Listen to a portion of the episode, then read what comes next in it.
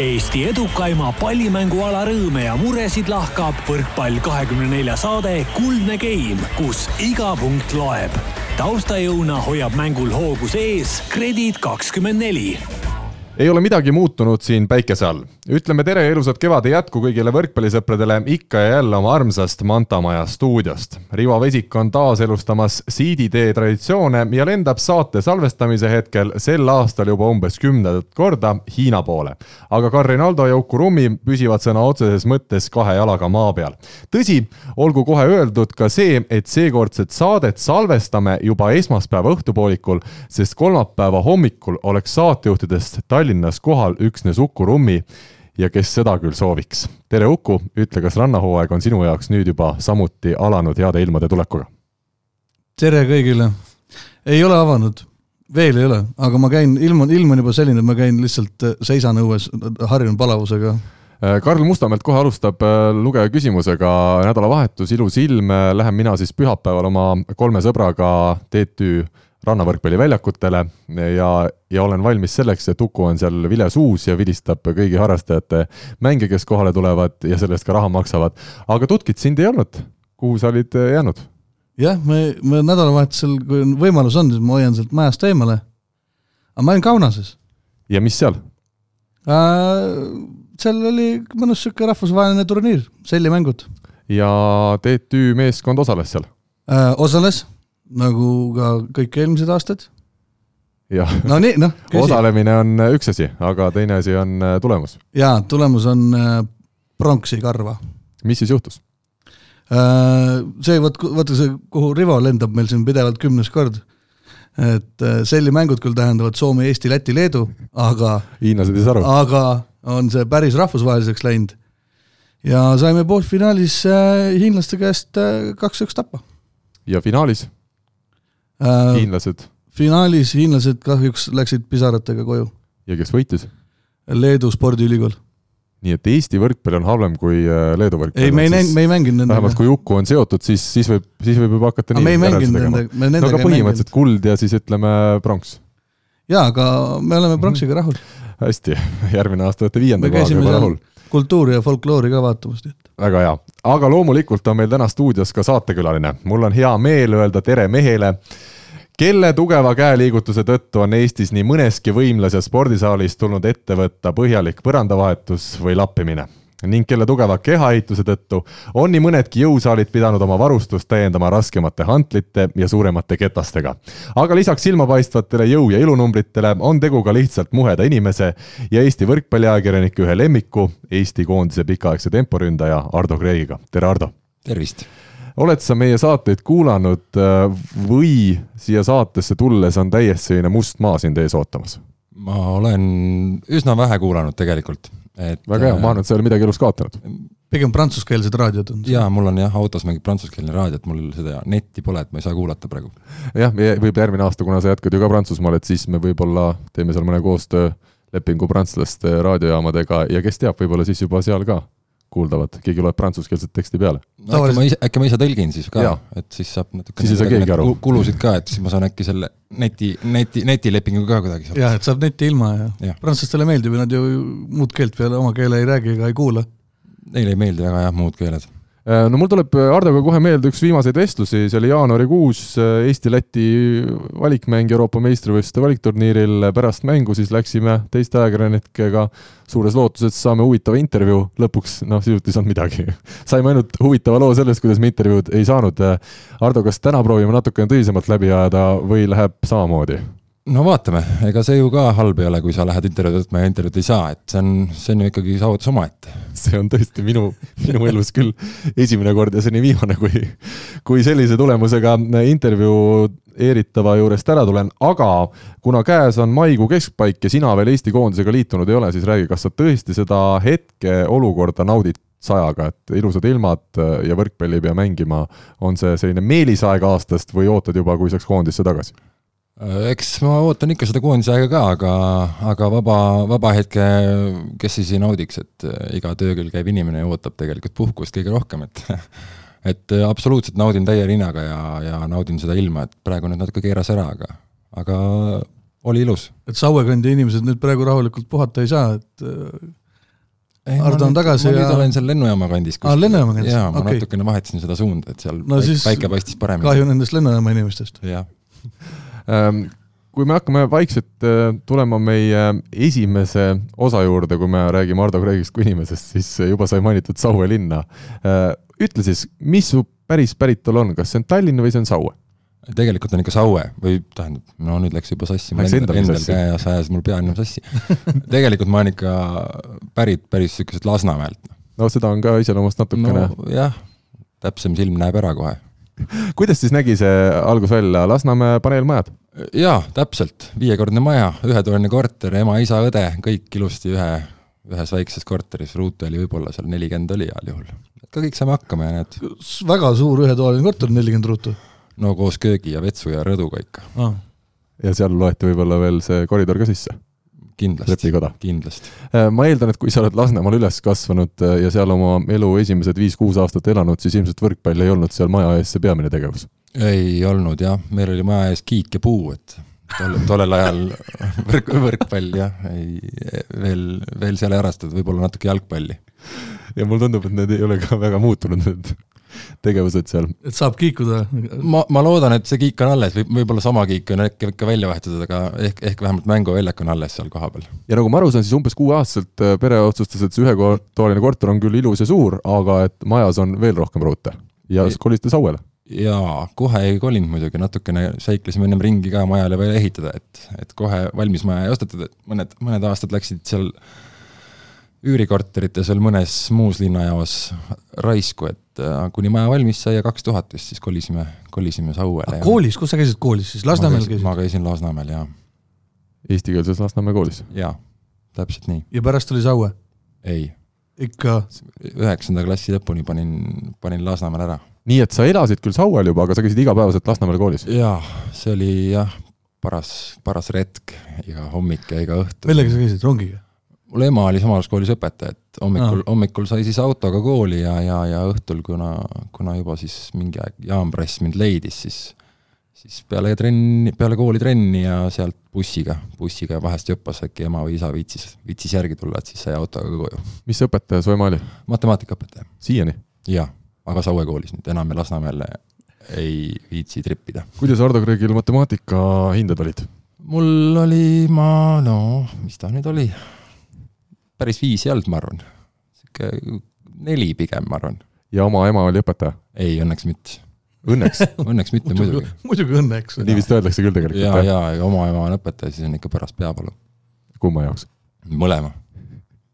kui me räägime üleüldiselt sellest äh, kooliajast, mis su lemmikõppeained olid, kui üldse, või oli ainult see, et saaks kool läbi ja, ja trenni?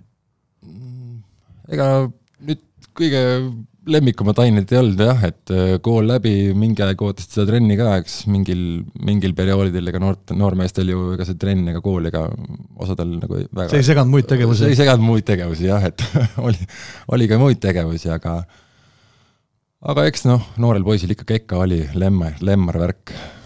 Äh, palju sa rumalusi tegid noorpõlves, meil oli eelmises saates Robert Täht ja siin paar saadet varem äh, Rene Teppan, nemad tunnistasid, et ega ega ei olnud see äh, lapsepõlv ainult äh, kiitus. mina arvan, et sinu kogemuste pagas on kõva.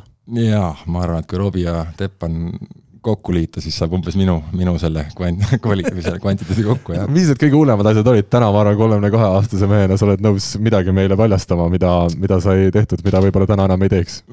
ma arvan, et äh, need jäävad, need jäävad praegu, ootavad raamatut kunagi võib-olla, tervitame Jaan Prassi. kindlasti. millised olid Jaan Prassi treeningud?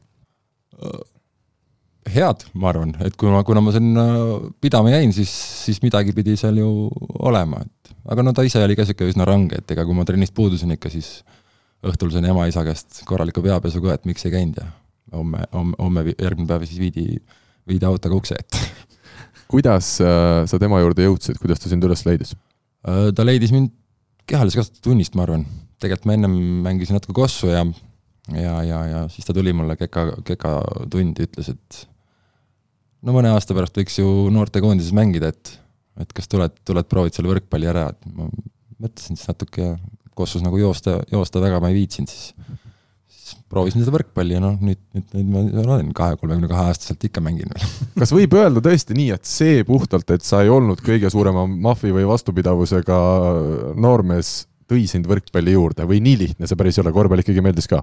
Ei, korvpall meeldib, meeldis kindlasti ja meeldib praegugi tegelikult natukene vahepeal loopimas käia, et äh, võib-olla oli pigem see valik võrkpalli kasuks, et äh, Kossus ma olin siis kuidagi vanemate, vanemate poiste rühma sattusin, võib-olla oma pikkuse poolest või ma ei tea, et siis nad olid ikka tunduvalt osavamad kui mina tollel ajal ja, ja ja kuidagi oled niisugune nõrgem, siis, siis on nagu raske, raske sinna trenni iga päev minna, et kui tead, et aa, jälle peab minema, et teised loputavad seal ja saavad mööda ilusti. korvpallitrennis käisid sa kus, kes seal treener oli? oih, kunagi ma ei mäletagi esimest treenerit, ma tean, Jan Lõssov oli kunagi, ma käisin Kalevi spordihoolis isegi. Johan Lõssov oli sinu treener? jaa, mõned, mõned, mõned trennid ma käisin seal, jah. olgu siis öeldud, et äh, see on siis umbes äh, kahekümnenda sajandi keskpaiga Eesti üks kuulsamaid sportlasi ja endine tippkorvpallur. jah. No vot, aga vaata, mis kõik välja tuleb. aga millal sina oma kasvu täis äh, kasvasid, kas see oli gümnaasiumi ajal või sa ütlesid, et sa olid juba päris varakult pikk, ehk siis see võis juba põhikooli ajal ära toimuda ma põhikooli ajal seal panin jah, paar aastat, ma arvan, kümme senti aastas niimoodi. see oli ka vanematele muidugi paras peavalu iga. minu arust üksteist, kaksteist klass, siis oli juba siis võis olla küll juba jah, niisugune suht, suht lagi käes, ma arvan, et ma arvan, et üheksas juba, kaheksas-üheksas oli ka seal ikka, nõks alla kahe, ma arvan. Äh, kui Jaan Prass su trenni tõi, siis kui vana sa olid? No ma ei mäleta enam see oli kindlasti enne kahe tuhandetat aastat et ma mäletan. ei, kindlasti, kindlasti, kindlasti, kindlasti. ühesõnaga ikka päris hilja tegelikult sa jõudsid, et sa ei tulnud esimestes klassides, vaid ikkagi seal kuskil kuues-seitsmes klass umbes. pigem võib-olla jah, natuke, natuke, natukene sest, hiljem, aga mitte, mitte mälet, ka väga hilja. mina mäletan sind sealt Kalevi turniirilt. nüüd tuleb hea lugu. üheksakümmend head kuulajad, meil on kaheteistkümnes osa ja. üheksakümmend seitse.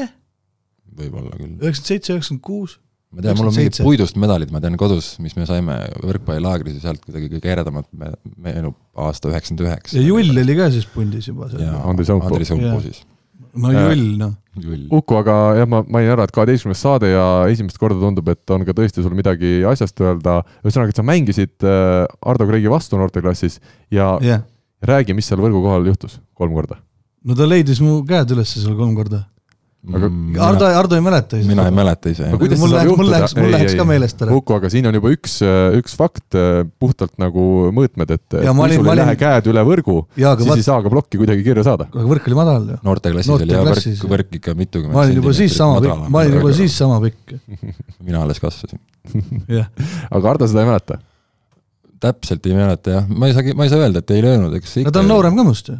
jaa mm. -hmm või juba kaks aastat. Uku on liiga vana, et mäletab asju natukene ilusasti. vaat mul on, vaata, ma olen juba nii vana, et mul hakkavad need asjad meelde tulema, mis, mis nagu mida ei ole olnud. jah, et ära võta ära seda, ära võta seda ära, ära võta ära. no las tal jääb kolm, kolm plokki. las jääda, las jääda, kõik, mis hea. aga kui me sellest noorpõlvest räägime selles mõistes, et sa olid Sauel, äh, elasid, äh, ole hea, räägi sellest hoovispordist sealt Sauel, palju seda jõudsid teha või oligi hommikul kooli ja õhtul trennist tagasi ja, ja magama? tegelikult jah, et äh, ajagraafik oli ju selline, et kaheksaks oli vaja kooli jõuda, seitsmest Sauelt minema äh,, mis kellani tunnid olid, kahe-kolmeni tunnid, ma arvan, peale seda trenni ja koju jõudsid nagu ma arvan, seit-, seitse-kaheksa, et juhtus, juhtus korduvalt ka niimoodi, et panin Saue, Saue bussiga ringiga Tallinna poole tagasi. sest uni tuli peale ja,? jaa, jah, korralikult ikka väga hea kasvav, kasvav organism. et jah, selles suhtes hoovisporti Sauel küll ei tehtud, et kui siis tulla tagasi sinna Lasnamäe aega, siis pigem seal peale kooli väike, väike neli ruutu ja mm, ja väike jalka sihuke. sa mainisid, et su vanemad ikkagi lugesid sõnad peale, kui sind õhtul prassitrennis ei olnud. Äh, kuivõrd karmid kasvatajad nad olid, palju nad sul, sinu eest hoolt kandsid? No kas nad väga karmid olid, aga kui, kui nagu rohkem põhjust anda, eks nad siis oskasid, oskasid oma lahke sõnaga mind korrale kutsuda. no ilmselt, kui matemaatikaõpetajana eluaeg töötanud, siis äh, on need meetmed, on, on teada? on teada jah, kuidas, mida öelda, aga ma arvan, et isa oli võib-olla isegi natuke rangem pool seal, seal selles suhtes. aga ülejäänud perekond spordi tegemise pealt tegi? ema mul on mänginud ka isegi Nõukaliidu äkki Kossu koondises kunagi, ma arvan. noorte seas? Ma pigem arvan, et noortes, jah. ja ma saan aru, et su vanaisa veel oli TV10 olümpiastarti üks asutajaid. täpselt nii. mida sina, Ardo, oma elu jooksul plaanid veel asutada või luua? no on veel, on veel lahtised plaanid, et aega on veel õnneks natukene väga hea. kui me räägime võrkpallist, siis kas see tempo ründaja positsioon tuli sinu jaoks kohe? Ma väga seal muul positsioonil ei olnud jah, ma kunagi Silvesteris ka esimene aasta, ma mäletan, Erko Valdmets meil oli vigastatud ja keegi oli veel vigastatud. ei, siis ma mängisin vastuvõtjat ja kusjuures ma olin isegi kuu parim mängija oktoobrikuus. Eesti liigas? see ei ole võimalik? on miks see, miks no kui ta vastu võttis, mida sa siis võtsid külalisi vastu või? ei, ma võtsin servi, servi vastu, vastu. muidugi, muidugi, tegelikult, tegelikult ma olen päris osav ju ahah, me kusjuures võtamegi kohe ette, meil on äh, Rivo, Rivo on Pärnust meil üks hea kuulaja, teinekord isegi võtab saates sõna, võib-olla kuulajad on tähele pannud. ja Rivo Pärnust on meile läkitanud siis äh, mõned küsimused ja esimene küsimus Rivolt, kes on kõige kõvem tempomees maailmas? väga konkreetsed küsimused, ma ütlen kohe ära. mina ise mm. -hmm see on selge. Äh, aga kas ütleme, siis on pikk, pikk, pikk paus. Rivo, see ei olnud kõige parem küsimus. siis on, siis on pikk, pikk paus, aga kes paremast teine on? ma ei teagi. see tulebki see pikk paus praegu, eks ole, sa etendad seda pausi meile. mina ei oska niimoodi välja tuua, eks ma ei vaata võrkpalli mm. -hmm. ongi nii, jah? mis spordialasid sa vaatad? ma ei vaata sporti, mulle ei meeldi sport Tegel... ei, tegelikult ikka vaatan. natukene. võtame selle teema kohe ette. jalgpalli, korvpalli, aga mitte võrkpalli. no tead, ma ei tea, mul on juba pere ka kodus ja mul kodus muud asja, muudki teha. kõike ei jõua. kui, kui sporti vaadata, ma tahaks pilved alla kätte, peaks kontorit ka vaadata. kusjuures ma tahtsin öelda, et ma olen jumala valed vastused tulid praegu, täiesti katastroof ma tahtsin ütelda seda, just tahtsin nagu Ardo hakata. nali ka muidugi. hakata nõustuma jah, aga siis, kui tuli see pilvede all ja, ja mis see muu asi oli, siis, siis küll ei saanud enam aru, millest jutt käib. et ja, et sa veel saate said tulla, et sa seal Eurovisioonil veel kuskil kaugel maal ei ole jälgimas. maandusin eile just võtame järgmise küsimuse Rivo Pärnust. kas Ardo Kreek on kunagi ka arvanud, et ta oleks väga kõva mõnel teisel positsioonil?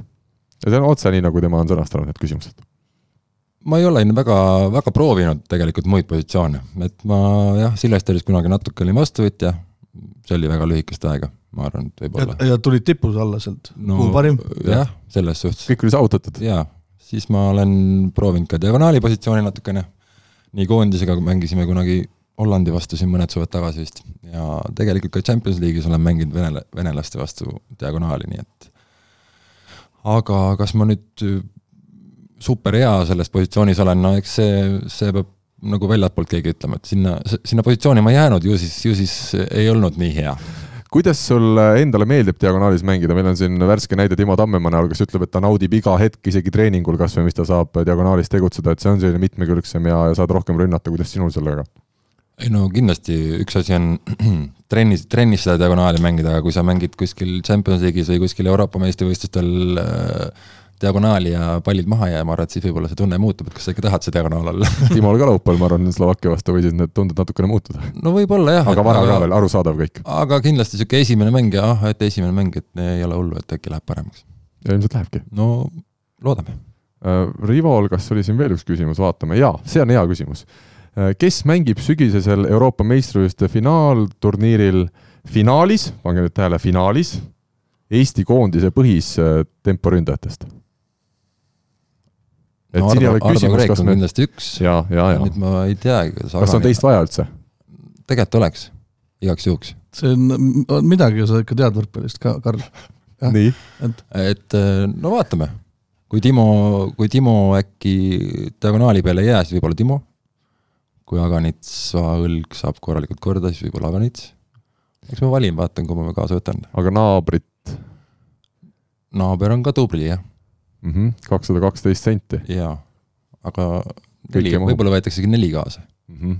aga mängib, mängivad jah, jah, mängi-, ma pean natuke vaatama. arutad no, seda läbi poistega? ma veel pean vaatama jah, ma ühte mängu ainult käisin vaatamas siin praegu natukene Rakveres, et mul pole mitte ühtegi pär, päris selget pilti ma veel ei saanud, aga mu naaber oli väga tubli äh,. Natukene jälle sinu karjääri juurde tagasi tulles äh,, esimene klubi Silvester äh,, kas siis sai selgeks see, et sinust saab kindlasti võrkpallur, siis sa nagu nägid endas äh, ikkagi, et see on sinu ala, mis toob ka tulevikus leiva lauale? no sealt sai kuidagi jah, et äh, enne seda suve, kui me Silva Silvestrile läksime, siis sai allkirjastatud lepingu täiesti, mis tõi ka, tõi ka tol hetkel mõne tuhat, mõni tuhat krooni taskusse noorele poisile. too hetk, kui ma alla kirjutasin, ma olin seitseteist alles. et, äh, et jah, siis ma küll astusin ülikooli mingi aeg. Jaa, proovisin, proovisin kätt, aga, aga kahe, kahe trenni kõrvalt siis need ajad kuidagi ei klappinud, et tuli valida, kas siis kas siis tublisti koolis käia või proovida, proovida nagu raha teenida, et äh, sinna, sinna ta praegu läks. aga pane nüüd äh, tänase päeva konteksti, mis see paar tuhat eurot, äh, paar tuhat, vabandust, krooni palka tähendas, kas see tähendas, et said hakkama sellega või see oli selline väike lisa, lisasumma? no see oli pigem nagu ikka taskuraha, et ma veel käisin nagu koolis. sul olid nii suured kulutused, ma arvan lihtsalt. muidugi, jaa suured ei, mitte kulutused no,, eesmärgid, eesmärgid enamasti niimoodi, et nii palju kui on, kõik kulub ära ju. jaa. mina tahtsin enne küsida, oli sul mõni eeskuju ka nii-öelda mingi hetk võt-, võrkpalliga edasi püsida? tegelikult ma arvan, et ähm, mul ei olnud, kui ma hakkasin võrkpalli mängima, mul ei olnud mingit selget visiooni, et ma nüüd, ma nüüd äh, tahan seda teha kunagi väga kaua, väga professionaalselt, et äh, ma arvan, kindlasti algusaastatel oli see pigem niisugune noh, ikka lapsed käivad trennis ju tegelikult, et käid ju võistlustel ja tuleb, tuli nagu välja ka, et, et äh, võib-olla jah, kõige siis kui rohkem hakkas välja tulema? siis kui rohkem hakkas välja tulema, siis ju tekib, tekib nagu huvi ka, et äh, rohkem jälle ja rohkem, et et nagu otsest kedagi? Otseselt kedagi ma jah, niimoodi enda eeskujuks ei ole kunagi pidanud, et aga mõnda nagu üleüldisest, oli mõni lemmiksportlane ka või? lemmiksportlane yeah.? Michael Jordan oli küll kunagi väga lemmiksportlane. vägev vägev, nii, ma, Uku, Uku vahepeal üllatas, Uku täna üllatab palju, tuli siit küsimusi isegi vahele. kaks tuhat kuus sa läksid Silvesterist Tallinna Selverisse, kas see oli nüüd aste edasi tol hetkel, kuna Selverist vist tolleks hetkeks oli juba saanud Eesti esiklubi? Äh, jah, kuna Selver mängis ju tegelikult Euroliigat see aasta vist ja klubi oli väga tugev, tegelikult isegi me jõudsime päris kaugele too aasta, kas isegi veerandfinaali, ma arvan, põletasime välja. võis olla küll, jah. et see oli, aga Silvesteriga mängisime ka tegelikult juba ennem euro, eurosarja ka aga see oli jah, klubi mõttes oli natuke edasiminek, kuna Silvester hakkas pudenema. hakkas vaikselt pudenema jah, et et seal natukene võib-olla vist kas te läksite Pupartiga koos? Ei, Pupart läks aasta varem. Läks aasta, aasta varem, varem.? no nii, aga Selverist, kas sellest ajast jäi, jäi ka see sisse, kui mängiti Saku Suurhallis, kas sina oled see võrkpallur, kes võib öelda, et tema on Saku Suurhallis mänginud? jaa, ma olen mänginud isegi noortekoondisega vist Saku Suurhallis, kas äkki MM-i kvalifikatsiooni või EM-i kvalifikatsiooni. aga Selveriga ka? Selveriga minu meelest, me ei mänginud Selveriga, me mängisime minu arust Silvesteriga. okei okay., äh, millised mälestused sul Saku Suurhallist on, kas toona, palju seal rahvast oli, milline see emotsioon oli? rahvaarvu ma küll ei mäleta, aga see oli küll, et kuna Eestis sellist kõrget kõrget saali nagu peal polnud, siis ikka sa oled, sa oled harjunud ju lakke lööma. jaa, et seal üritasid no,, üritasid? üritasid, üritasid, isegi jalaga oli, oli raske ehm, Tallinna Selverist, mis sul veel meeles on, see oli päris huvitav äh, aeg nii Selveri ajaloo osas kui ka ütleme, Eesti võrkpallis, kaks tuhat kaheksa me ju sinuga eesotsas pääsime ka esmakordselt Euroopa meistrivõistluste finaalturniirile võites Poolat, et äh, mida sa Selveri aegadest mäletad? ma Selveri Eesti, Eesti mõttes see oli kindlasti tippaeg nagu Selveris olla, et, et nagu klubi oli ju heal tasemel ja mängitigi euro, eurosarja ja ka võitsime ju Schenker-liiga ja Eesti meistrivõistlused seal kas isegi kahel aastal järjest või et.... oota, üks küsimus veel, kurat, kust tuleb täna? sa kuula vastus lõpuni ja siis küsi, vaata natuke veel läheb. ei, ei, ma, ma nägin, tal ei olnud enam sealt, ta ei tulnud rohkem. tal on keele peal, vaata, ta läheb meelest ära. vana inimene ka Äh, kaks tuhat kaheksa, Poola vastu, viimane punkt, kelle käed olid? Puparti. Puparti, puhtalt? puhtalt, ei võta enda peale, kuigi tahaks ma sellepärast küsin, et sealt ei olnud võimalik välja lugeda Pupartit teades null emotsiooni. No äkki ikka tõstis näpu püsti? ei, te mõlemad seisite käed püsti seal, nii et. ei, ei, ma nägin väga lähedalt, ma olin ise piirikohtunik seal vaata, ajad hakkavad jõudma nii kaugele, et, et Ardo, sa oled juba selline mees, et sellises eas mees, et, et seda üheteist aasta tagust äh, triumfi keegi ei mäletagi enam, need noored väga. et ega nad ju järele ka ei uuri. et kaks tuhat kaheksa, ole hea, räägi. täitsa, täitsa mõttetu küsimus oli või? Ei, ei küsimus oli väga hea Ah.. ei, väga hästi, juba kui sa midagi ütled, on hästi. ja, ja, ja Ardo, kaks tuhat kaheksa, kui me seda Poolat võitsime otsustavas EM-valikmängus, kuivõrd eriline asi see teile mängijatena oli, kas see on tänase päevani sinu karjääri, ütleme, erilisem hetk? see oli kindlasti üks esimesi selliseid äh, erilisemaid hetki, et äh, see oli võib-olla isegi too hetk ei saanud sellest hetkest aru jube keeruliseks läks kindlasti. ei, kindlasti ei saanud aru. jaa, et ma arvan, et see, see jõudis kohale alles päeva-paari pärast, et mis siis, mis siis tegelikult juhtus, noh, et saimegi nüüd EM-ile ja polnud ju nii ammu käinud Eesti koondise EM-il. või kas üldse oli, oli ikka? ei olnud ei üldse. olnud jah No, no,, noh, et jah, ma arvan, et see lõpuks jõudis kohale, ma arvan, üks-kaks päeva hiljem, et, et, et nüüd ongi minek ja ja saime hästi hakkama. no ma juba nii-öelda ennetan Rivo küsimusi, kui ta oleks täna stuudios ja mitte Hiina lennuki peal, et kui kõva see järelpidu siis pärast seda EM-ile pääsemist oli? no ta ütles, paar päeva läks aega, enne kui kohale jõudis.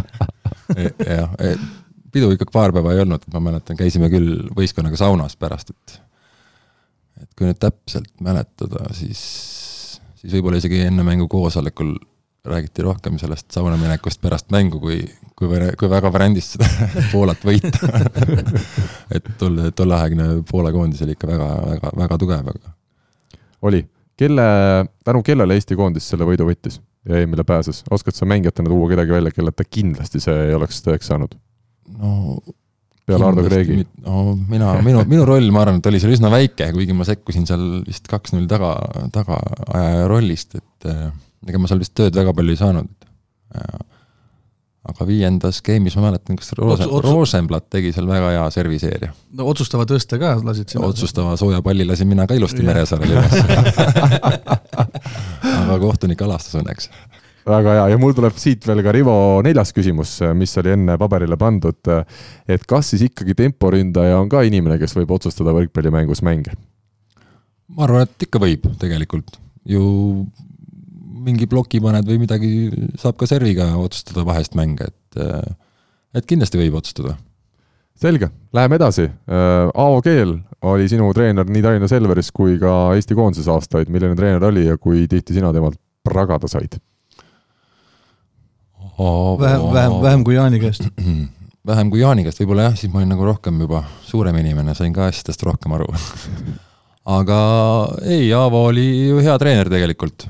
kui, kui sa oled koondise treener ja tugeva klubi peatreener, siis sa ei saa ju täitsa nagu noh, kehva treener olla kindlasti, et äh, ta viis meid ju Selveriga võitudeni ja ka koondise tüüris EM-ile, nii et kindlasti hea treener. mis on Aavo tugevused? tugevused? ma arvan, et äh, distsipliini nõudmine on väga hea tema tugevus.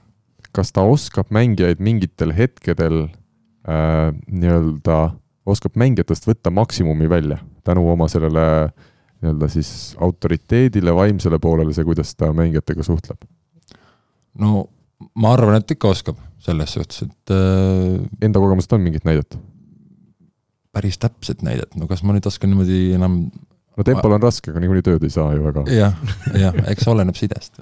ja side, side võib-olla saab rohkem äh, treeneri käest õpet, õpetussõnu, ei muidugi selles suhtes ju videosid vaadatakse ja, ja, ja kindlasti tempomeestel on ka oma, omad ülesanded, et et ka ütleme siis video, skaudil ehk videomehel ka kindlasti temal, temalt võib-olla tuleb seda infot läbi treeneri, tema käest siis läbi treeneri tempomehel, et mis, mis otsuseid mis hetkel võtta, et ja kindlasti ka noh, kuidas maksimum välja võtta, no omal peab ka natukene olema, natukene kupli all midagi, et matemaatilist oskust. jaa, kindlasti arvutada, et kui neli korda pole neljast ära löödud, et siis arvatavasti suure tõenäosusega viies kord sinna ei lähe.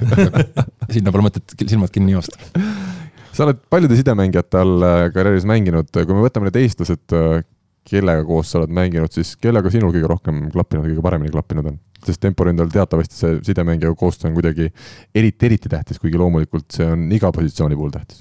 ma arvan, et äh, Gert Toobal ikkagi on, on Eesti sidedest minu, minu, minu ülejäänud, kellega sa mänginud oled, on äh, Veiko Lemberg, Kuldar Männilaan ja, ja Markus Tammaruga.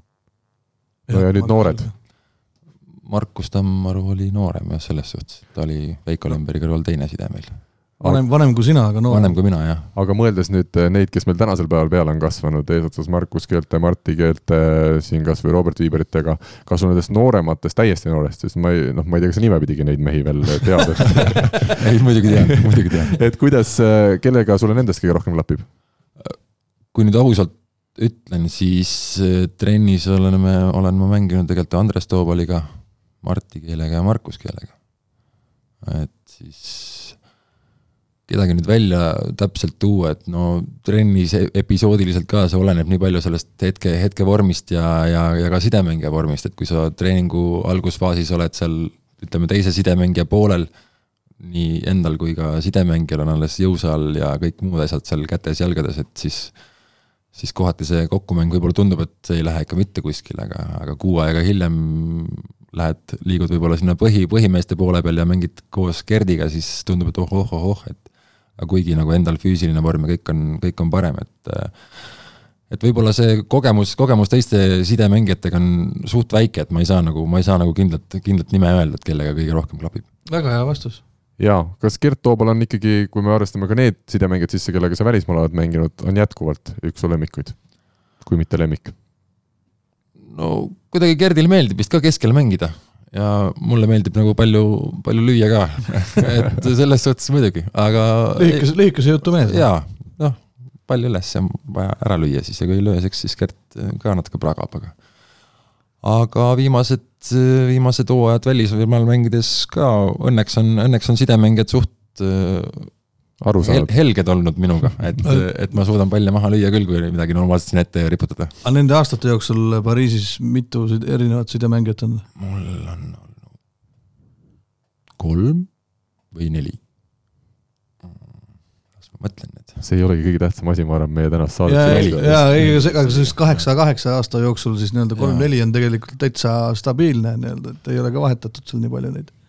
jah, mis mind veel huvitab äh, seoses temporündaja rolliga, palju sa siis ise küsid neid tõsteid, meil oli siin Siim Ennemuistiga juttu, et, et kui, kui ikkagi on nagu poolteist geimi mängitud ja on tulnud üks tõste või ei ole ühtegi tulnud, et kuidas siis tunne on ja palju sa sõna võtad?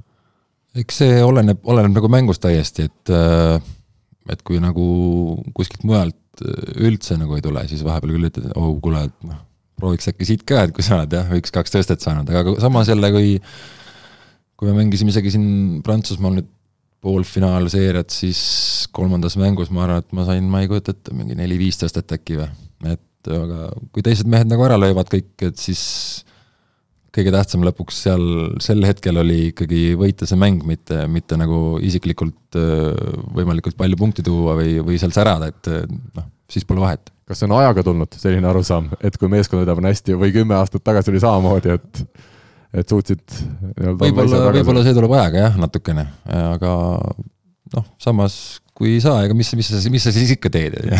ei no Siimu, Siimu puhul on kindlasti ka see faktor, et võib-olla sidemängija ei saa aru, mida Siim küsib. Saare murrakaga, pane moole ka, et noh, ei võib-olla eriti kui poolakale ütled. keel, keelebarjäär võib-olla. võib-olla jah, poolakas võib-olla. ma pean talle poola keelt õpetama, ma olen seal mänginud kas sa oskad poola ja prantsuse keelt? mm,. suhtlustasandil ma arvan, et poola keel on pisut ununenud, aga prantsuse keel on, on päris okei okay,, ma arvan. väga hea, kaks tuhat üheksa, Ren Volli, eestlaste jaoks tuntud mängupaik äh, ka hilisemast ajast, millised mälestused sul esimese välisklubiga on?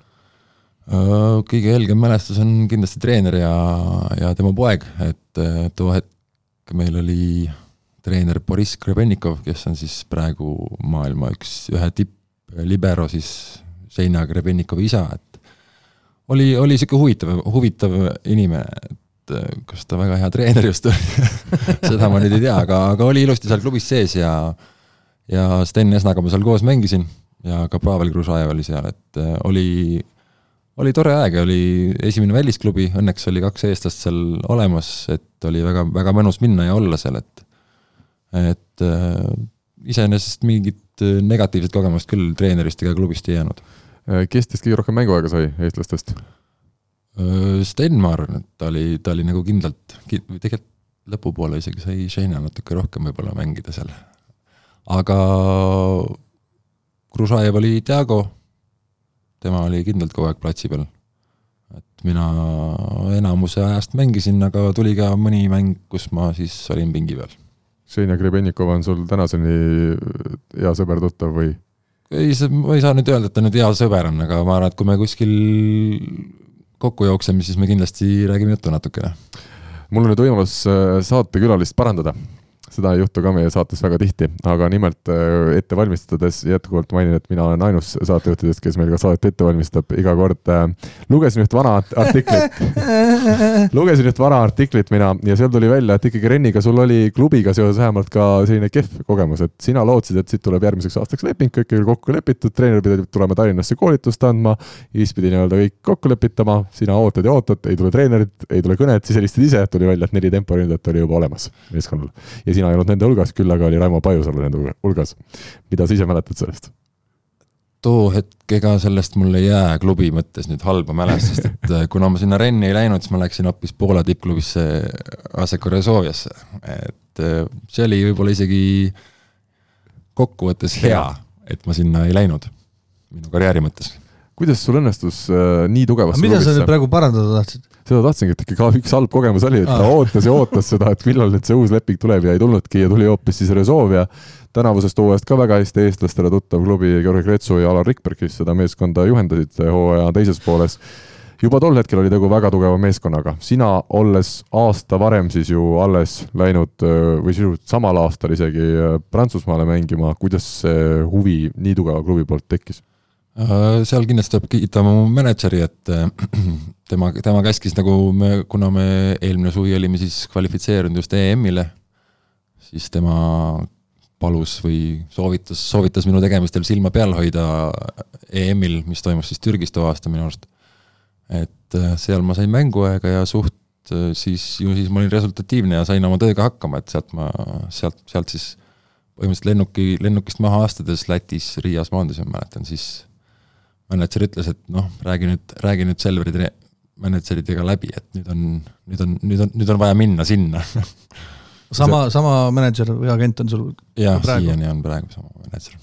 suur asi oli ilmselt see Resolve huvi oh,? absoluutselt, muidugi et, äh, et see tuli suht nagu jah, ma olin juba, too hetk ma mäletan, ma isegi rääkisin Aavo keelega, Aavo keelega ma rääkisin, et jah, et põhimõtteliselt renni minek, et värki-särki ja noh, neil oli ka juba tempo võetud põhimõtteliselt, et mul, mul ei olnud ei, ei, ei Renni asja ega ka Selveris õieti ruumi. ja Selverisse võeti uh,? Tartust võeti keegi, kes see oli? Pasütski veel ei olnud? ei olnud veel. no oligi, see oli aga jututeema, et rääkisid ja. keelega ja põhimõtteliselt. jah, et äh, põhimõtteliselt ei olnud Renni asja, ei olnud Selverisse asja, et äh, oli, oli sihuke üsna raske, raske hetk raske aeg, aga kui tuli see huvi, siis, siis muidugi päike tuli pilve tagant välja. kuidas see Resolve'i aeg oli, kas sa seal väga pikka aega ei olnud vist? ei, ma olin seal ainult tegelikult pool hooaega. ja kuidas need mälestused? mälestused olid no muidugi vägev selles suhtes, et klubi professionaalsus ja kõik äh, super, selles suhtes kõik tehti ette-taha, mis vaja oli. ja treener oli ka Ljubo Trovits, et korralik, korralik treener täiesti. õppisid palju ilmselt? jaa, kindlasti, kindlasti väga palju vahepeal ma olen siin natukene hooletu, hooletuks jäänud, Audentases sina õppisid ka? jaa. no nii, siis me võtame ikka selle teema ka ette, me oleme, me ei ole siin veel mööda saanud Audentesest. kuuldavasti seal nagu need sportlased kipuvad kõige rohkem huvitavaid asju tegema ja tihti see ei ole spordiga seotud kuidas sinul see sel-, tähendab mitte Selveri, vaid siis Audentese aeg möödus? said ja andsid? ära, ei, ei, ei, Uku, Uku, kuule, meil on tõsine saade ikkagi. Keitsi või? labaseid nalju ei tehta nagu, nii labaseid, et ei, ei, lähme edasi, ei, ei, ei, ei, Ardo, räägi, ei pea kõigest ei, rääkima. kuidas see Audentese aeg oli?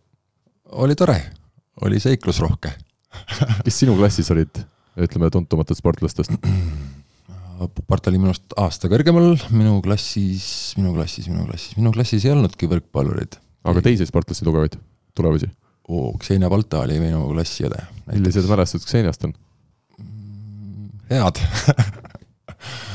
ei, selles suhtes, mis mälestused mul ikka on, et äh, tunnis käid, tunnis käid nagu tunnis ikka, et äh, klassi, klassiõed äh,, vennad, kõik üht, ühesugused põhimõtteliselt. ei, ei mingeid erilisemaid mälestusi lepime vastusega, kuidas võrkpallialased oskused arenesid nende aastate jooksul? No ma loodan ise, et tulid kasuks see, see aeg, et me saime ju mängida ja, ja trenni teha korralikult seal, et äh, kaks korda päevas tollel hetkel trenni teha on, on, ma arvan, et arengule igati kasulik. kellega koos Audenteses olid võrkpalluritest äh,, oli sul seal paar aastat nooremaid, vanemaid, ütleme, Pupartit sa mainisid, keegi veel? no kes meil oli seal veel? Viljar Vahter oli meil. vägev. Tanel Suluste ütleb sulle Viljar Vahter midagi või? noh, varsti ütleb. maailma kiirem vasakkäsi. maailma kiirem vasakkäsi. selge no. ainuke side, kes oskab tõsta planeerivalt ainuke side, kes lööb rohkem kui nurgamehed ka jätkame sinu karjääri osas, kaks tuhat üheksa, kaks tuhat kümme olid veel ühes Poola klubis, kaks tuhat kümme kuni kaks tuhat kaksteist mängisid Varssavis, aga tahaks ikkagi pikemalt keskenduda sinu tänasele koduklubil Pariisi Vollel kaks tuhat kaksteist, kuidas sind siis tee tagasi Prantsusmaale viis? tee tagasi Prantsusmaale viis mind niimoodi, et äh, kuna minu viimane aasta Varssavis, seal olid, olid üsna, üsna rasked äh, finantsilised ajad, et ütleme, siiamaani pole kätte saanud kõike raha? Õnneks vist, vist isegi sain, et ma täpselt arvutust ei pidanud, aga võib-olla seal midagi, midagi jäi veel õhku, mingi väike boonus, aga noh, sealt kui tuli, kui tuli juba tavaline palk ära, et siis sellega, sellega ma olin juba väga, väga rahul ja õnnelik, et see tuli. aga et Pariis oli, oli ilus koht, kuhu kohe alguses minna? jaa, muidugi, et äh, seal nagu Pariisil ikka kohane, et see leping sai ka ikka suht vara juba ära tehtud seal, ma arvan, et äh, märtsis äkki juba, aga noh mm., siis oli teada juba et, et palgad olid, palgad olid, olidki kolme kuu jooksul oli võib-olla veerand, üks, ühest palgast veerand kätte saadud, et siis juba oli, oli, oli, oli raske natukene ja, ja, ja tuli teha nagu mingi otsus, et mis, mis edasi teha ja õnneks, õnneks sealt pakkumine tuli ja selle ma tol hetkel vastu võtsin. ole hea, räägi natuke sellest olukorrast, mina ei kujuta ette, et mul on viimase kahe kuu palk saamata, et siis ilmselt ma täna siin stuudios ei oleks, vaid kuskil, kuskil tänaval ilmselt äh, üritaks raha kokku ajada, et, et kuidas see võrkpalluri elu siis välja näeb? mina ütlen ausalt, minu jaoks täiesti müsteerium, kuidas, kuidas sa hakkama saad omadega või no, on palgad nii head? kas need head on, aga, aga noh, mingi, mingi ütleme siis taga, tagavara oli selleks ajaks, et äh, juba natuke kogunenud, et sai äh, sai hakkama tolle aja. aga oli ka niisuguseid näiteid, mängijaid, ütleme, kes ütlesidki, et mul nüüd ongi niisugune seis, et äh, raha on nullis? oli mängijaid selliseid, kes äh, elasid kõrvallinnas, kes üürisid korterit Varssavis, aga mingil hetkel ütlesidki, et hommikuses trennis ma enam jõusaalis ei käi või näiteks pallitrennis, et teen seal oma linnas selle jõusaali ära, et pean, pean korterist loobuma kahjuks, et, et siis õhtusesse trenni tulen autoga ja, ja, ja sellised seisud. kuidas see meeskonna mängu mõjutas? meeskonna mängu kindlasti mõjutas natukene, aga too aasta me olime ka Challenge Cupi, Challenge Cupi, ei, me mängisime finaalis isegi, jah.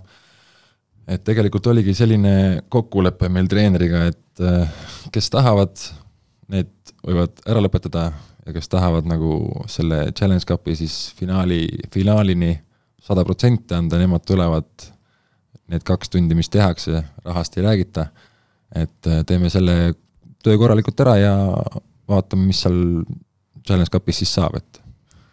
Pariisis on seitse aastat selja taga, seal sarnaseid probleeme ei ole olnud? Õnneks mitte jah, kuigi seal oli, oli ka, oli ka majandusraskusi natukene, siis äh, sellist äh, rahavoo peatumist ei ole kunagi olnud, jah. mis sind Pariisis siis ikkagi on hoidnud? ole hea, ürita seda natukene kirjeldada meile, ei ole ükski Eesti tegevvõrkpallur minu teada pärast vähemalt taasiseseisvumist nii kauaks ühte kohta pidama jäänud mm no kindlasti sihuke mugavus, ma arvan, et äh, heas kui, mõttes mugavus, eks ole? kindlasti, et äh, et kõik, kuna ma juba mainisime korra seda, seda finantspoolt, siis minu, minu karjääri jooksul pole nagu seal mingeid, mingeid suuremaid probleeme olnud, et kõige pikem võib-olla sihuke viivitus oli seal, ma ei tea, kolm nädalat võib-olla ühe, ühe väikse osaga, et aga, aga tõesti jah, korter on, mis on ka väga tähtis muidugi, sest et ju tegelikult trennis sa vedad kolm-neli tundi päevast ja ülejäänud aja sa oled ju kodus ja teed süüa ja magad ja et kui korter on, korter on okei okay,, raha on õigel ajal käes, siis noh, mis, mis sul väga viga on, et treener on, treener on ka täiesti normaalne inimene, ei ole, ei ole sattunud mingi tõeline frukt sinna etteotsa, et mees, kes on ise mänginud ka? jaa, jah, selles suhtes ise mängumees ka ja, ja saal on ka igati korralik, puhas, suur. Pariis ei ole kõige väiksem linn, äh, korteri ja saali vahe minul on väga vähe, ma arvan, et jala, maksimum, kui väga aeglaselt minna, siis kümme minutit. nii et sa käid jala, jala saad täitsa trennis käia? ja, ja täiesti. oo, ja kaugel see siis kesklinnast on? no tegelikult mul korter nagu päris Pariisi linna sees ei ole. ai, ai, ai, ai, ai, nii et kogu see glamuurne elu, mida Eesti võrkpallisõbrad on seitse aastat kujutanud ette, et äh, Ardo Kreek tuleb trenni uksest välja, võtab seal Pariisi kesklinnas Eiffeli torni Eiffeli tornil ühe kohvi väikse ja jäätise kuue euro eest. Sellist elu ma ei ela kahjuks.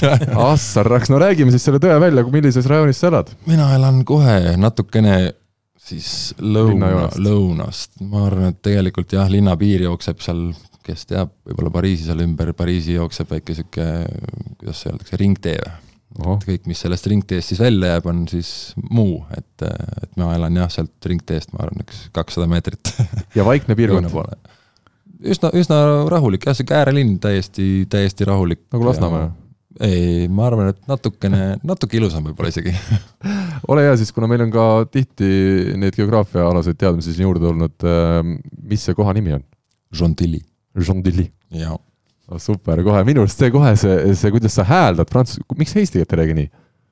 ma arvan, et keegi ei saaks aru, mis ma ajan. siis ta, siis, siis kõik arvaksid, et ta tuligi sealt Eurovisiooni. Jaa. ma arvan, et kui sa räägiksid prantsuse aktsendiga, meie saade oleks täna võib-olla isegi kümme korda kuulatavam. natuke parem. natuke isegi veel, veel parem. super, aga Pariis äh, linnana ikkagi ta kütkestab selles suhtes, et olgugi, et sa elad äärelinnas, sul on alati vabal päeval äh, mida teha ja kus olla, et kui Gert Toobal siin kuu aega tagasi saates käis, tema ütles, et tema on mänginud sisuliselt ainult sellistes kohtades, kus ei taha korteri uksest välja minnagi. jah, mul on kuidagi nende kohtadega võib-olla rohkem siis vedanud, et äh, kõige jah, ei saa ju öelda, et äh, kehva linn oleks, tõesti, kui, kui ikka huvi on, siis seal leiab, ma arvan, et seinast seina täiesti, mida, mida, mida, mida iganes sa võid seal Pariisis teha, et kontserdid, spordiüritused, kus sa oled käinud, mingid tuntud? äh, suurematel kontsertidel ei ole tõesti käinud, aga, aga jalgpalli olen küll vaatamas käinud natukene. Pariisi Saint-Germaini. ma olen koondise mängu käinud vaatamas kaks korda, kas Pariisi volley mängijad saavad tasuta piletit sellisele? otse loomulikult mitte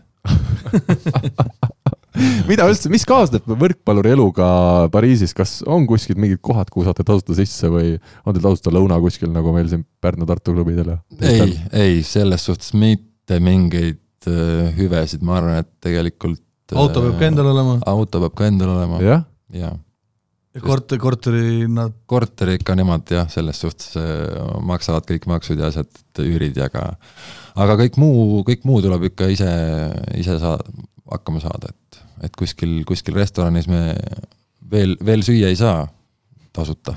kes on kõige parem mängija, kellega sa Pariisis oled koos mänginud, kelle kõrvalt võib-olla kõige rohkem oled õppinud või, või näinud sellist maailma tipptaset? ma arvan, et äkki Mitja Kasparini ja Nikola Georgiev, kes mõlemad mängivad, äkki ei, üks mängib Koreas ja teine mängib Jaapanis. et nemad on kindlasti võib-olla siuksed kõige-kõige, kuidas nüüd öelda, kõrgemale, kõrgemale jõudnud, kindlasti ka Nick Hawk, kes, kes, kes, kes on ka väga hea mängumees ja on ka, on ka teisi, et äh, Nikola Kovacevic on, on ka kogemustega, kogemustega mees, et et neid tegelikult nimesid on, nimesid on, Marko Ivovitšiga olen koos mänginud, kes küll too hetk, too hetk, kui ta minu juures oli, siis ta oli, oli, oli, oli no, nagu noormängija rollis, et oli esimene sihuke kaugem koht, kus ta kodust ära oli, et kohati, kohati pidin ta eest hoolitsema nagu, nagu oma poja eest, aga aga nüüd mees teeb äh, väga suuri tegusid maailmas võrkpalli osas kaks tuhat neliteist CEF Cupi võit, kaks tuhat kuusteist Prantsusmaa meistritiitel, kumb tiitel sinu jaoks äh, tähtsam oli? ma arvan, et kokkuvõttes tähtsam võib-olla isegi on CF Cup ikkagi, kuna, kuna on ikkagi Euroopa, Euroopa kapp siis ju. aga kindlasti Prantsusmaa meistritiitel oli ka väga, väga kaua oodatud, et finaalis seal saime kolm korda järjest Toursi käest, Toursi käest siis ära, et, et oli, oli, oli, oli kaua oodatud kaunikene jah. Ja kaua siis Ardo Kreek veel Pariisi klubis mängib? no ühe hooaja kindlasti veel, et äh, nii kaua kui kirik korda tehakse, käisid sa seal ennem ka või? ma olen seal ees käinud, ma sees ei ole veel käinud selle lühikese aja jooksul, mis ma seal olen elanud. kuidas sa hääldad Notre Dame? Notre Dame, ongi jah? ma arvan, et niimoodi tuleb hääldada. super. selge Super. ähm,. veel Pariisi äh, klubist. ütleme, milline see sinu side meeskonna poolehoidjatega tänaseks on? ma eeldan, kui sa oled seal seitse aastat mänginud, siis see ei ole selline tavaline legionäri ja poolehoidja suhe, enam? Nad äh, suhtuvad minu arust väga hästi jah, et, äh, et nad alati, alati küsivad juba seal enne, enne hooaja lõppu, et kuidas siis on, kas sa ikka jääd ja ega seal mingeid väga lähedasi suhteid meil nende poolehoidjatega ei ole, et äh, mõni, mõni üksik ütleme selle niinimetatud fännklubi siis eestvedajad, kes käivad seal natuke vahepeal trennis ja küsivad mängijate käest mingeid väikseid intervjuusid vahepeal, aga aga ma ise loodan, et nad suhtuvad minusse hästi, et et ma loodan, ma, mina suhtun nagu neisse ka hästi, et ma, ma arvan, et see tunne on nagu vastastikune. ja saal on rahvast täis kogu aeg? saal kogu aeg ei ole rahvast täis. palju saalis mahub? ma arvan, et äkki kahe tuhande alla, kaks, kaks pool. et ma arvan, et keskmine võib-olla tegelikult eelmine hooaeg juba oli päris hea, aga kuna, kuna jah, nüüd tuli see Pro-B, et siis, siis need publikunumbrid kindlasti natukene kukkusid. No me oleme erinevates intervjuudes sinuga seda teemat varem ka puudutanud, aga palju nüüd see esiliigasse langemine sind ennast muserdas ja kogu meeskonda? ma arvan, et kõigil oli, kõigil oli hooaja, hooaja algus väga raske, natukene, natuke teadmatus, kõige hullem oligi see, et ma olin juba poole tee peal Prantsusmaale, kui, kui see uudis nagu tuli, et võib-olla, võib-olla üldse ei olegi seda klubi, kui ma sinna tolleks päevaks kohale jõuan, kui ma jõuan, aga alguse, algusaeg oligi see kõige raskem, ma arvan, et kui, kui siis kõik jälle käis lepingute siis ütleme, ümber, ümberkauplemine, et tegelikult oli natuke üks leping juba kokku lepitud, aga tuli natukene sealt järgi anda või, või siis võtta, või siis võtta siis suurem risk ja ja jääda ootama klubi kuskilt, kuskilt mujalt, et et ma nagu leppisin, leppisin natukene väiksema rahanumbriga ja, ja, ja ei hakanud, ei hakanud suuri riske võtma, et, et kuskile äkki saada. kas sinu idee võiks olla täna selline, et välismaal sa mängiksidki hea meelega Pariisis nii kaua, kui mängid ja siis, kui veel mängida, siis juba kodumaal? kui kindlasti tuleb mingi, mingi huvitav pakkumine, siis, siis ma olen ikkagi avatud selles suhtes, et, et nüüd ei ole niimoodi, et ma tahaks kindlasti välis, väliskarjääri lõpetada Pariisis, muidugi see on noh, kuna ma seitse, seitse aastat samas korteris elanud ja sama, ütleme, rada sinna saali sammunud, siis kindlasti on nagu väga, väga mugav ja kõik on nagu käe-jala juures ja kõik on teada ja keel on, keel on ka juba enam-vähem selge, et et eks ta mugav muidugi on, aga kunagi ei saa öelda, et, et, et, et ma tahan sinna nagu lõpuni jääda, et kui tuleb, kui tuleb mõni hea pakkumine kuskilt muust riigist või võib-olla isegi klubist, siis, siis, siis kindlasti, kindlasti mõtlen selle üle no vaata, sa ütlesid enne, et äh, ei jõudnud kahte asja korraga teha, et ülikoolis käia ja sporti teha, meil siin kõrval istub no, täna Uku Rummi, TTÜ, TalTech siin kindlasti tuleb mingi visiitkaart ka pärast mängu. et, et meil on nüüd, või TTÜ-s mitte meil, vaid äh, Ukul on nii, et seal küll need summad on noh, nii nagu nad on, et hea, kui üldse midagi, võib-olla peab äh, lisaks kõigele muule ka oma nii-öelda rahastuse leidma oma spordi tegemisele, aga vähemalt saaks õppida, ma saan aru, tasuta Uku, seda sa lubaksid? jah. yeah väga hea, ühesõnaga TTÜ-sse ilmselt niipea tulemas ei ole, Hardo. palju sa näed veel ennast mängimas võrkpalli, kas see sõltub puhtalt sellest, kuidas tervis vastu peab või tunned sa, et ma ei tea, hakkab vaimselt ka lõpuks mingil hetkel võib-olla väsimus tekkima? eks see tervise, tervise pool ja jaksamise pool, ma arvan, et on kõige, kõige olulisem ikkagi, et et noh, kuna, kuna ta ju tegelikult töö on, kas sa vaimselt nagu tahad või ei taha, siis siis tuleb, tuleb nagu sundida, et ma arvan, et igal, igal inimesel iga töö peal on mingi, mingi raskem hetk aastast või, või mingil perioodil, kus on, kus on natuke raskem, aga kui sa sellest ajast nagu ilusti välja purjetad, siis, siis, siis ju läheb jälle, läheb jälle toredamaks, et jah. praegu naudid? praegu, praegu ma küll naudin, ma arvan veel, veel. pere on kaasas? pere on kaasas mul jah, enamus ajast hooaja, hooajast, nii et, nii et see kindlasti ka aitab, aitab nagu kõvasti kaasa, kui on kui päris üksi ei pea seal olema mõnedel rasketel käib koolis? poiss käib Eestis koolis. Eestis koolis. ja õpib siis nii-öelda distantsilt? õpib jah, on, on kokkulepped kooliga, et saab, saab kodus, kodus teha ja käib, käib ilusti vastamas siis, kui on Eestis. ja kõige parem aine on matemaatika, tänu vanemale? tänu isale. ahaa väga hea. Äh, ma saan aru, et su poiss mängib samamoodi võrkpalli ma nägin siin ühte pilti Facebookis, väga lahe pilt oli, seal oli vist Esna poiss, Meresaare poiss, kellega oma oli veel, et Tatriku, Tatriku enda, jah. oma ka, nii et, äh, nii et Eesti nagu võrgul järelkasvu, ma saan aru, ikkagi on tulemas küll. no isad on pannud jah, vähemalt poisid praegu trenni, et kas, kas nad, kas nad võrkpalli juurde jäävad, eks see on iga, igaühe enda lõplik otsus, aga, aga praegu on tore näha, et poisid, poisid on niisugused suht, suht samavanused ja, ja mängivad üksteise vastu, et päris, päris huvitav on. hea võimalus on küsida, et kuidas sinu poiss võrkpalli mängimisse täna suhtub, ta on siis, ma saan aru, umbes kümneaastane? jah, kümme ongi täpselt kümme. ta on mänginud juba, ma saan aru, kolm-neli aastat võrku, et öeldakse, et võrkpall on ikkagi nii tehniline ala, et seda nautima saab hakata, ongi, ütleme, kümnendast, üheteistkümnendast eluaastast. kas sina oled ka oma, omal nagu, oma poja kaudu kogenud, et ütleme, esimesed aastad ei olnud väga kerged veel seal võrgutrennis hoida või? kuna tegelikult seal Pariisis on niisugune väike noortetöö, suuri gruppe seal muidugi ei ole, aga pakuti variante, et saab, saab nagu lapse viia ja, ja ja saab nagu proovida, et oli, oli ka seal teisi huvilisi, ma arvan, niisugune parimatel hetkedel ma arvan, kakskümmend, kakskümmend poissi käisid koos, et äh, kas nad, kas nad seda väga nautisid, aga, aga seda just mängimist, aga kindlasti seda aega, et nad saavad trenni teha ja üksteisega kas või mängida, et äh, et seda, seda, seda nad kindlasti nautisid, ma arvan. et see mängu, mängu ilu, see tuleb natukene hiljem kindlasti, et niisuguseid väga pikki pallivahetusi ja ilusaid lööke selliselt vanuselt muidugi ei ole, ei ole veel oodata, aga aga ma arvan, et poiss ise kindlasti naudib seda trennis käimist ja võistlemist. poisil on loomulikult prantsuse keel suus? ei ole, kahjuks ei ole jah, kuna ta ei ole seal koolis käinud ja väga prantsuskeelseid sõpru ei ole olnud selle aastatega, siis siis kahjuks tal ei ole, aga inglise keel on sellest väga hästi suus Ardo, hea on öelda, et kui võrkpalli puhul osad ütlevad, see ei ole piisavalt vaatemänguline spordiala, siis sinu need ühe käe plokid ja noh, need rünnakud ka muidugi on toredad, aga et need ühe käe plokid, et kust need on tulnud, kas see on puhas juhus, äh, et sul see üks käsi satub vahel sinna üles, äh, näed sa platsi nii hästi, ukkuda midagi vahele öelda, ma saan aru. seda käe suurust oled näinud? ahah, ei no, nii ega sinna käsi nüüd nii suur ka ei ole, ma arvan, et see on pigem niisugune sisetunne, et kui sa näed, et äh, mängija hakkab ühes või teises suunas lööma ja noh, mis sa sinna kahte kätt topid, et üks käsi ulatab kaugemale tegelikult. mis sa raiskad, jah mm? -hmm. ei no fakt on selles, et kui sa hakkad nagu käe, käenama, keerama ennast, siis ühe käega kohati nagu ulatad, ulatad kaugemale ja võib-olla saab, saab mingi suuna korralikult kinni panna, et et eks ta suht niisugune hea juhus on, kui niimoodi juhtub, et ma arvan, et kui siin niimoodi püüdma hakata, siis on üsna,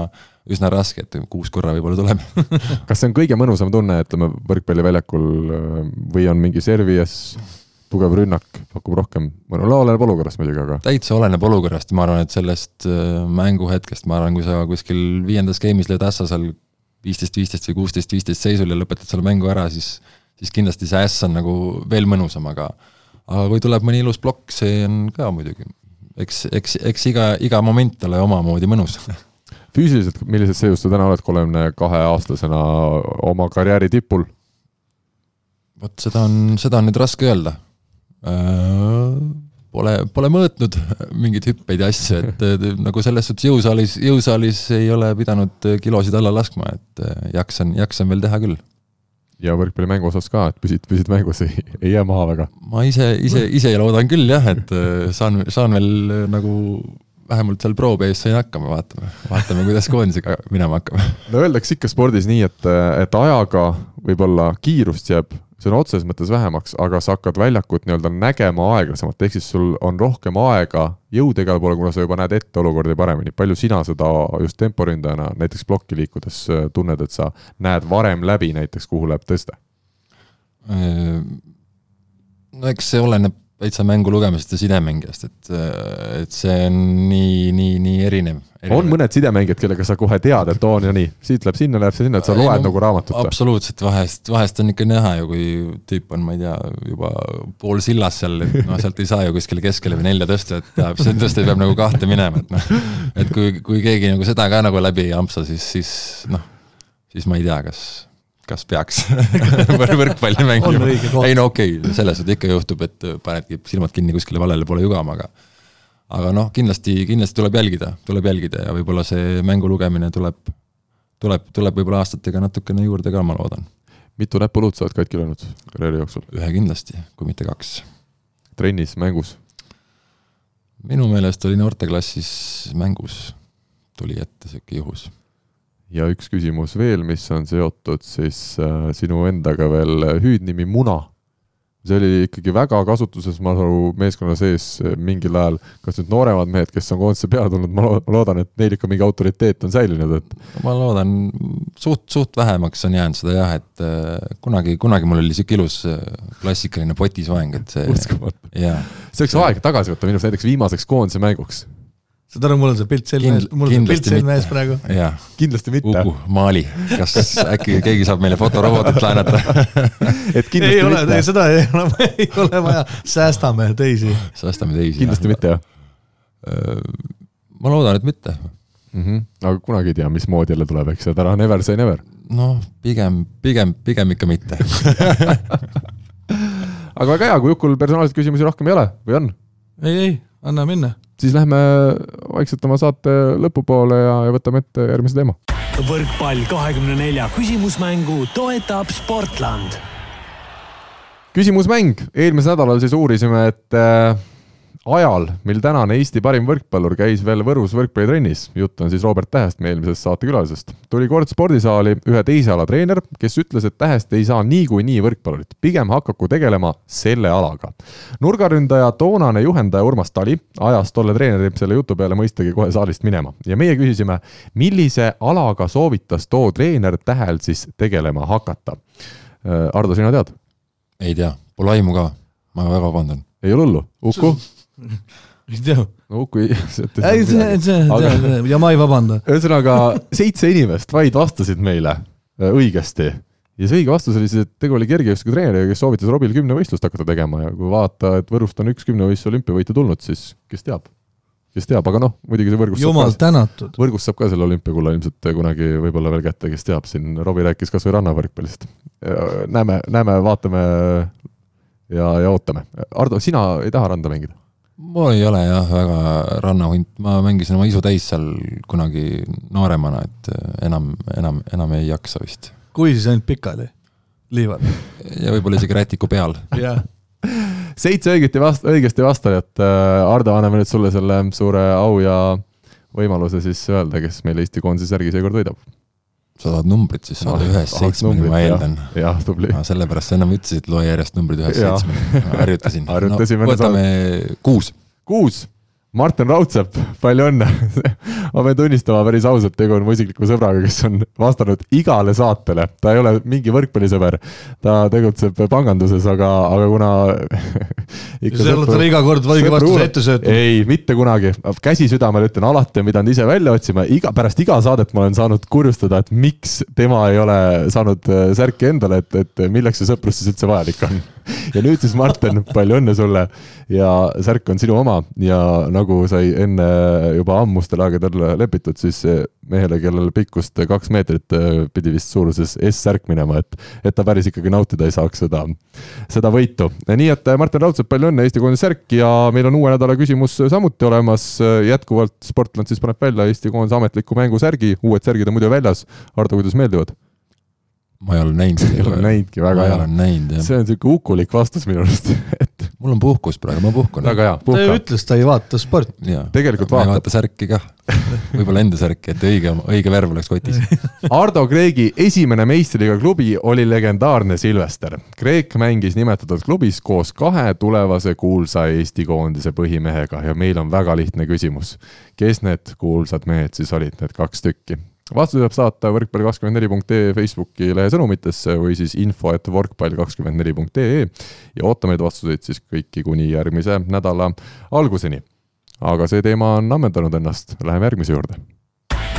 Pahv lööb pahviks ehk nädala tegija nädala tegija ja see hääletus läks pühapäeva õhtul käima ja meie siis saate salvestuse ajaks esmaspäeva õhtul on tulemused järgmised. ütle Uku mingi selline kolmas koht Jades Sodeiko, Eesti koondise debütant, sai siis diagonaalründajana pärast Kertu Laagi vigastada saamist kõvasti mänguaega ja esines täiesti enam-vähem okeilt, kolmteist häält praeguseks hetkeks siis on Facebooki võrkpalligrupis temale tulnud. teine koht, Uku, ma ei tea, kes see on. ei, sa pead ütlema tõtt-tõtt-tõtt. aa, Tervilli eestlannad on siis teine koht, neli Eesti võrkpallurit, Kristiine Miilen, Eliise Hollas, Kristel Moor ja Poliina Ratuhina Pitu on siis need mängijad. no lõpp läks väga hästi, vittu. Nemad siis äh, äh, võitsid tänavu Prantsusmaa esiliigas, see on Hardole väga tuttav paik, olgugi et äh, siis äh, sugu on äh, teine, võitsid nemadki kõik, pea isegi rohkem võitsid kui sina vist, nemad võitsid nii-öelda esiliiga karika ja esiliiga meistritiitli ka, karika, esiliiga karikas, neil oli esiliiga karikas meil sellist asja ei ole. no vot, meil on nagu Pro A ja No Pro B peale, Pro B peale kokku üks No karikas. see karikas, mida isegi Hardol ei ole õnnestunud siiani võita, ilmselt ei õnnestu kunagi. näinud. nii et eh, terve Villi eestlannad, tervitame neid, nemad peaksid siis koondisse ka naasma peagi-peagi ja juba Euroopa liigaks olema võistkonnas. ja esimene koht, Uku veel kord, ikka ei tea, kes see on. ei, sa pead ütlema, no sa ütlesid ära. ütle veel. esimene koht, Silvermaar, teist korda meie saate ajaloos, kaheteistkümnes saade ja teist korda libero. mida see näitab, see näitab, et Eesti rahvas oskab äh, libero rolli hinnata küll, ei ole ta midagi nii nähtamatu. oi, Silveril on palju sõpru Facebookis. see on, see on kusjuures väga, jaa. aga ei tore, selles suhtes on tore ju. iga, igaüks saab panna sinna, kes, keda, kelle vahel valida või? Ja saab lisada valikvariante, saab ise valida ja sina, sina paned muidu alguses või? mis mina panen. et kelle ja, ja valikuvariandid valin alguses mina, aga neid saab igaüks juurde lisada okay.. näiteks Keit Pupart kahjuta see nädal ei osalenud, nii-öelda tema ei osalegi niivõrd hääletuses, vaid nendes variantide esitab, lisamises. esitab nominente. et igalühel, oma. peanomineerija. mina oleksin, mina oleksin valinud Korotkov ja Tiisaare Mm. elus esimest korda MK-etapil koos kvalifikatsioonis ja võit käes, mitte lihtsa vastase üle. Muidugi ma ei tea, mis Silver tegi, Silver mängis väga hästi, mina olin Vot. siis reede-laupäev kohal ja julgen küll öelda, et vastuvõtul kaitses suurepäraselt mängis, loomulikult jällegi mina ja Uku, me kahe peale kokku ei anna ka ühte võrkpallispetsialisti, kaugeltki seda Ei. mitte, aga, aga silmaga küll vaatas tõesti super hästi noormees mängis. ja arvestades, et tegu on ju Silveri näol on väga väga tõesti noore mängijaga veel tegu ja, ja libero ütleme, parim iga on ilmselt seal kuskil kolmekümne kandis, siis siis tegutseb hästi võiks. ikka varem juba, varem juba hakata. osa, Hakkab osa pead, tõstma. osata natuke parem. Ardo, kuidas sina kõrvalt, olles Silverit nüüd ka koondises näinud äh, eelneval aastal juba ka, millise mulje ta on sulle jätnud? ei, Silver on väga hea mulje jätnud, et äh, ei ole küll kõige jutukam meil seal koondises, aga, aga töötegija on kõva ja potentsiaali on selles suhtes. et äh, ma arvan, et siin mida rohkem ta mängib, seda kõrgemal tasemel, seda kindlasti see annab ju enesekindlust ja, ja ja kindlasti seda kvaliteeti veel juurde. Kui kaugele tema võiks jõuda võrkpallurina? nagu ma enda peale mõtlesin, kes ma Lasnamäelt tulen, kuskil hakkasin suvaliselt võrkpalli mängima, siis ja jõud-, ja praegu olen nüüd kaheksa aastat, kaheksa varsti jah, kaheksandat aastat lähen Prantsusmaale, siis ma arvan, et kõik variandid on alles avatud. väga hästi, nii et tervitame Silver Maari, meie siis nädala, nädala tegija ja saate lõpetuseks siis mõned teemad veel ka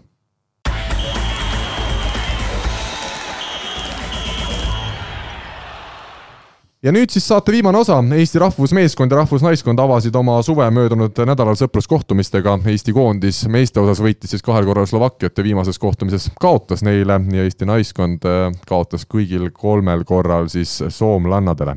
kui me seda Eesti meeskonda vaatame, ma saan aru, Ardo, et ega sa neid mänge väga jälgida ei jõudnud või sa ikkagi ühel mängul vist käisid kohal? mina käisin neljapäeval vaatamas jah mängu, nii et see on ainus mäng, mida sa nä- nägid nendest kolmest? jah. Ma arvan, me võime teema kokku võtta siin, ma ei ole ühtegi mängu näinud. no vot, selline saatejuht siis on Uku Rummi. ei, ma olin rahvusvahelisel turniiril ja me ei mänginud Slovakkia, me seal olime ikkagi hiinlaste vastu mängisime. anname andeks. aga Eesti koondis, no ma siis ütlen ise paar sõna, ega see nüüd palju targemaks neid kuulajaid ei tee, aga Ardo, Ardo, lähme teeme kohvi. aga Indrek Pulk jättis väga hea mulje diagonaalis tegutsedes Eesti koondises kuueaastase pausi järel, väga huvitav oli teda jälgida ja nagu treenerid ütlesid, nagu Indrek ise ütles, et ta juba üksikute treeningutega sai, sai õpetussõnu juurde, kuidas ja kuhu rünnata, et punkte rohkem tuleks ja kuidas targemalt mängida, nii et, nii et Indrekult eh, minu arust väga korralik esindus koondises, loomulikult teine küsimus on nüüd see, et Slovakkia ei olnud hetkel väljas oma parima koosseisuga, nii nagu meiegi ei olnud. ja kui nüüd mingi väga tugev koondis meile vastu tuleb, siis Indrek äh, ei, ei oska veel öelda, kuidas siis hakkama saab, aga, aga loodetavasti Euroopa liiga alagrupi turniiri alguses siis juba seda ka näeme. no loodame, ma arvan, et ma arvan, ma vaatan siis. no eks ta, kõik saavad hakkama, ma arvan. vot see on üks hea selline. elus, elu, elus, muidugi, okei okay.. mängus ka natukene ikka. aga Euroopa liigas äh, Timo Tammemaa vist peaks veel ka diagonaalründajana saama natukene mänguaega, kuidas sul Hardo kõrvalt vaadates tundub see, see lahendus? kahjuks ma ei näinud seda mängu. ma pean selle eest järgi See vaatama ma pean selle järgi See ei vaatama, ma pean selle järgi vaatama ja need eh, võib-olla mai lõpus need ambits-, ambitsioonidega olla natukene seal Timo, Timoga rääkima. mitte, et ta mind kuulaks, aga laseme, pean äkki monoloogi natuke. siin on hea kohe küsida ka seda, et Andrei Aganets ju naases vigastuspausilt ja nii palju on seda ikkagi võrkpalliringkondades räägitud, et meil on head temporündajad, Kreek, Aganits, Tammemaa, noh, Treialgi ju tegelikult väga korralikul tasemel möödunud hooajal mängis, et kes neist väljakul peaksid olema, kes neist võiksid.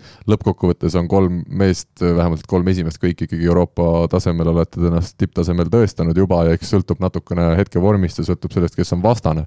kui sõbralik ja soe see konkurents teil seal võistkonna sees siis tegelikult on?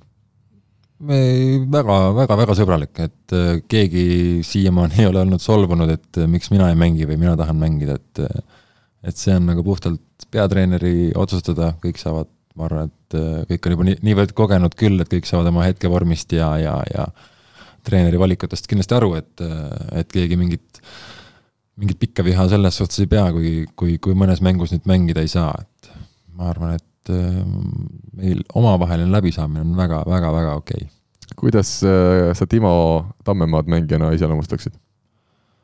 Timo on tore poiss ei, ta on väga-väga selles suhtes äh, füüsiliselt on ta ikkagi rünnaku kõrgusel ja ploki kõrgusel on ju väga-väga, väga hea selles ja ka. kas parem see, kui Kreegil? Kõrgus kindlasti on parem selles suhtes ei, ei, ei ole, ma ei ole vist kunagi nii kõrgel, nii kõrgele hüppanudki oma, oma, oma karjääri jooksul, et et on natukene võib-olla rohkem looduse poolt antud või ma ei usu, et seda trenni tegemist nüüd nii palju rohkem on, et pigem, pigem, pigem, pigem on jah, see loodus, loodus nagu seda põrget andnud. lahke, jah? jah, kahjuks minu vastu nii lahke ei olnud, aga võib-olla põlvede mõttes jälle on, on see hea. jaa, Andrei Aganets, kuidas sa teda iseloomustaksid? Ka väga-väga hea tempo, et äh, nii, nii, nii, nii, nii pikad käed et äh, plokis, plokis kindlasti väga hea. et äh, nüüd, nüüd kui õlg haige on, vaatame. ennem tal ka õlg, ütles, et hakkab õlg kiiremini käima, et loodame, loodame, et operatsioon tegi selle kõla, õla kiiremaks. kirjutati vinti juurde või?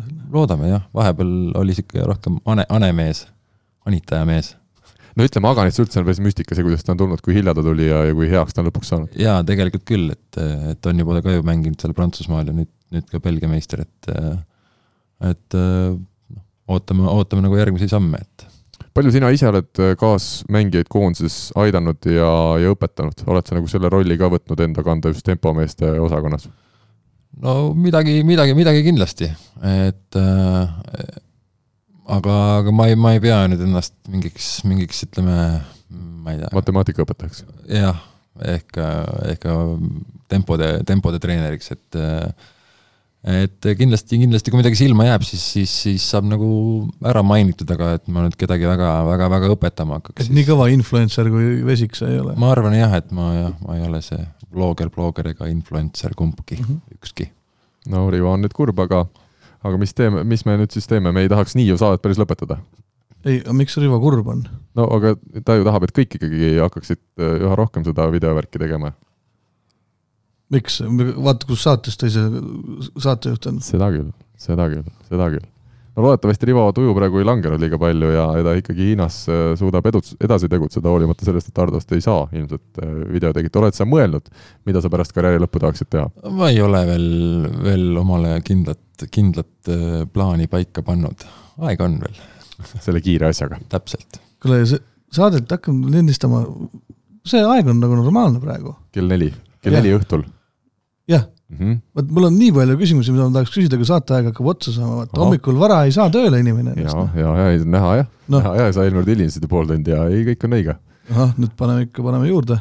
paneme, paneme, paneme, paneme juurde. aga ühesõnaga, Eesti naistekoondisest siis väga pikalt ei peatu, kuivõrd siin meil suuri spetsialiste stuudios ei ole. Äh, aga Eesti naiskond siis kaotas Soomele, aga olgem ausad, Soome koondis on Euroopa meistrivõistluste äh, finaalturniiri aastaks, nemadki ju sinna siis kolmekümne aastase pausi järel kvalifitseerusid, on ajanud kokku väga tugeva koondise, isegi Mikko Esko naine Saara Esko on kas vist üheksa-aastase pausi järel tulnud tagasi koondisse ja, ja ütleme, Soome naiskond mängis väga hästi ja kui meil olid siin äh, kaks põhiründajat, äh, Miilen, äh, Miilen Laak puudu ja, ja siin paar tükki veel, siis, siis oli see täiesti arusaadav, et, et me päris neile seekord vastu enamikes skeemides ei saanud.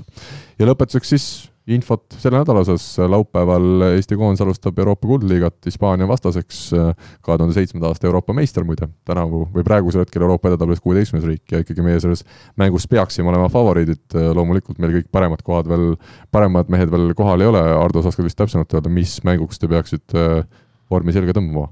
meie liitume koondisega kolmkümmend mai et kas me seal Tartu esimene kodumäng. teine, teine juuni oli mäng, aga kas me, kas me kohe ka särgi selga tõmbame peale, peale kahte-kolme päeva trenni tegemist? sa pead ikka särgi selga panema, aga sa teed. ilma särgita, ilma särgita ei, ei. aga Rivo Vesik oli ka kunagi see seksikate värk, äkki ma saan ka jaa, aga ta oli mitteametlikult, see, me saame mitte, me, me, kohe, me võime, oota, me teeme selle kohe ära. oot, oot, oot, oot, oot, nii. nii, see on nüüd tutvustus ja ta-ta-ta-ta-ta, ühesõnaga Eesti aasta siis seksika mees. Rivo Vesik. ei, ei, ei, ei mitte ametlikult Uku Rummi. palju, palju õnne. loll oled päästa väga hea. ma arvan, et meie saade on saanud ühe mõistliku lõpu, need, need üksikud, kes jäid ka saadet lõpuni kuulama, on nüüd ilmselt ka juba selle saate lingi kinni pannud. meie täname aga kõiki kuulajaid-vaatajaid, Eesti naistekoondise mängud siis samuti sel nädalal Sloveeniaga, esimene mäng võõrsil laupäeval, nii nagu meestel siis Hispaaniaga. aitäh, Hardo Kreek, saatesse tulemast, oli väga meeldiv tund ja natukene peale. oli. oli tõesti, mulle ka meeldis, aitäh. ilusat õhtu jätku. Kuulmiseni Eesti kõige põnevamad podcastid on Delfis, kuula tasku.delfi.ee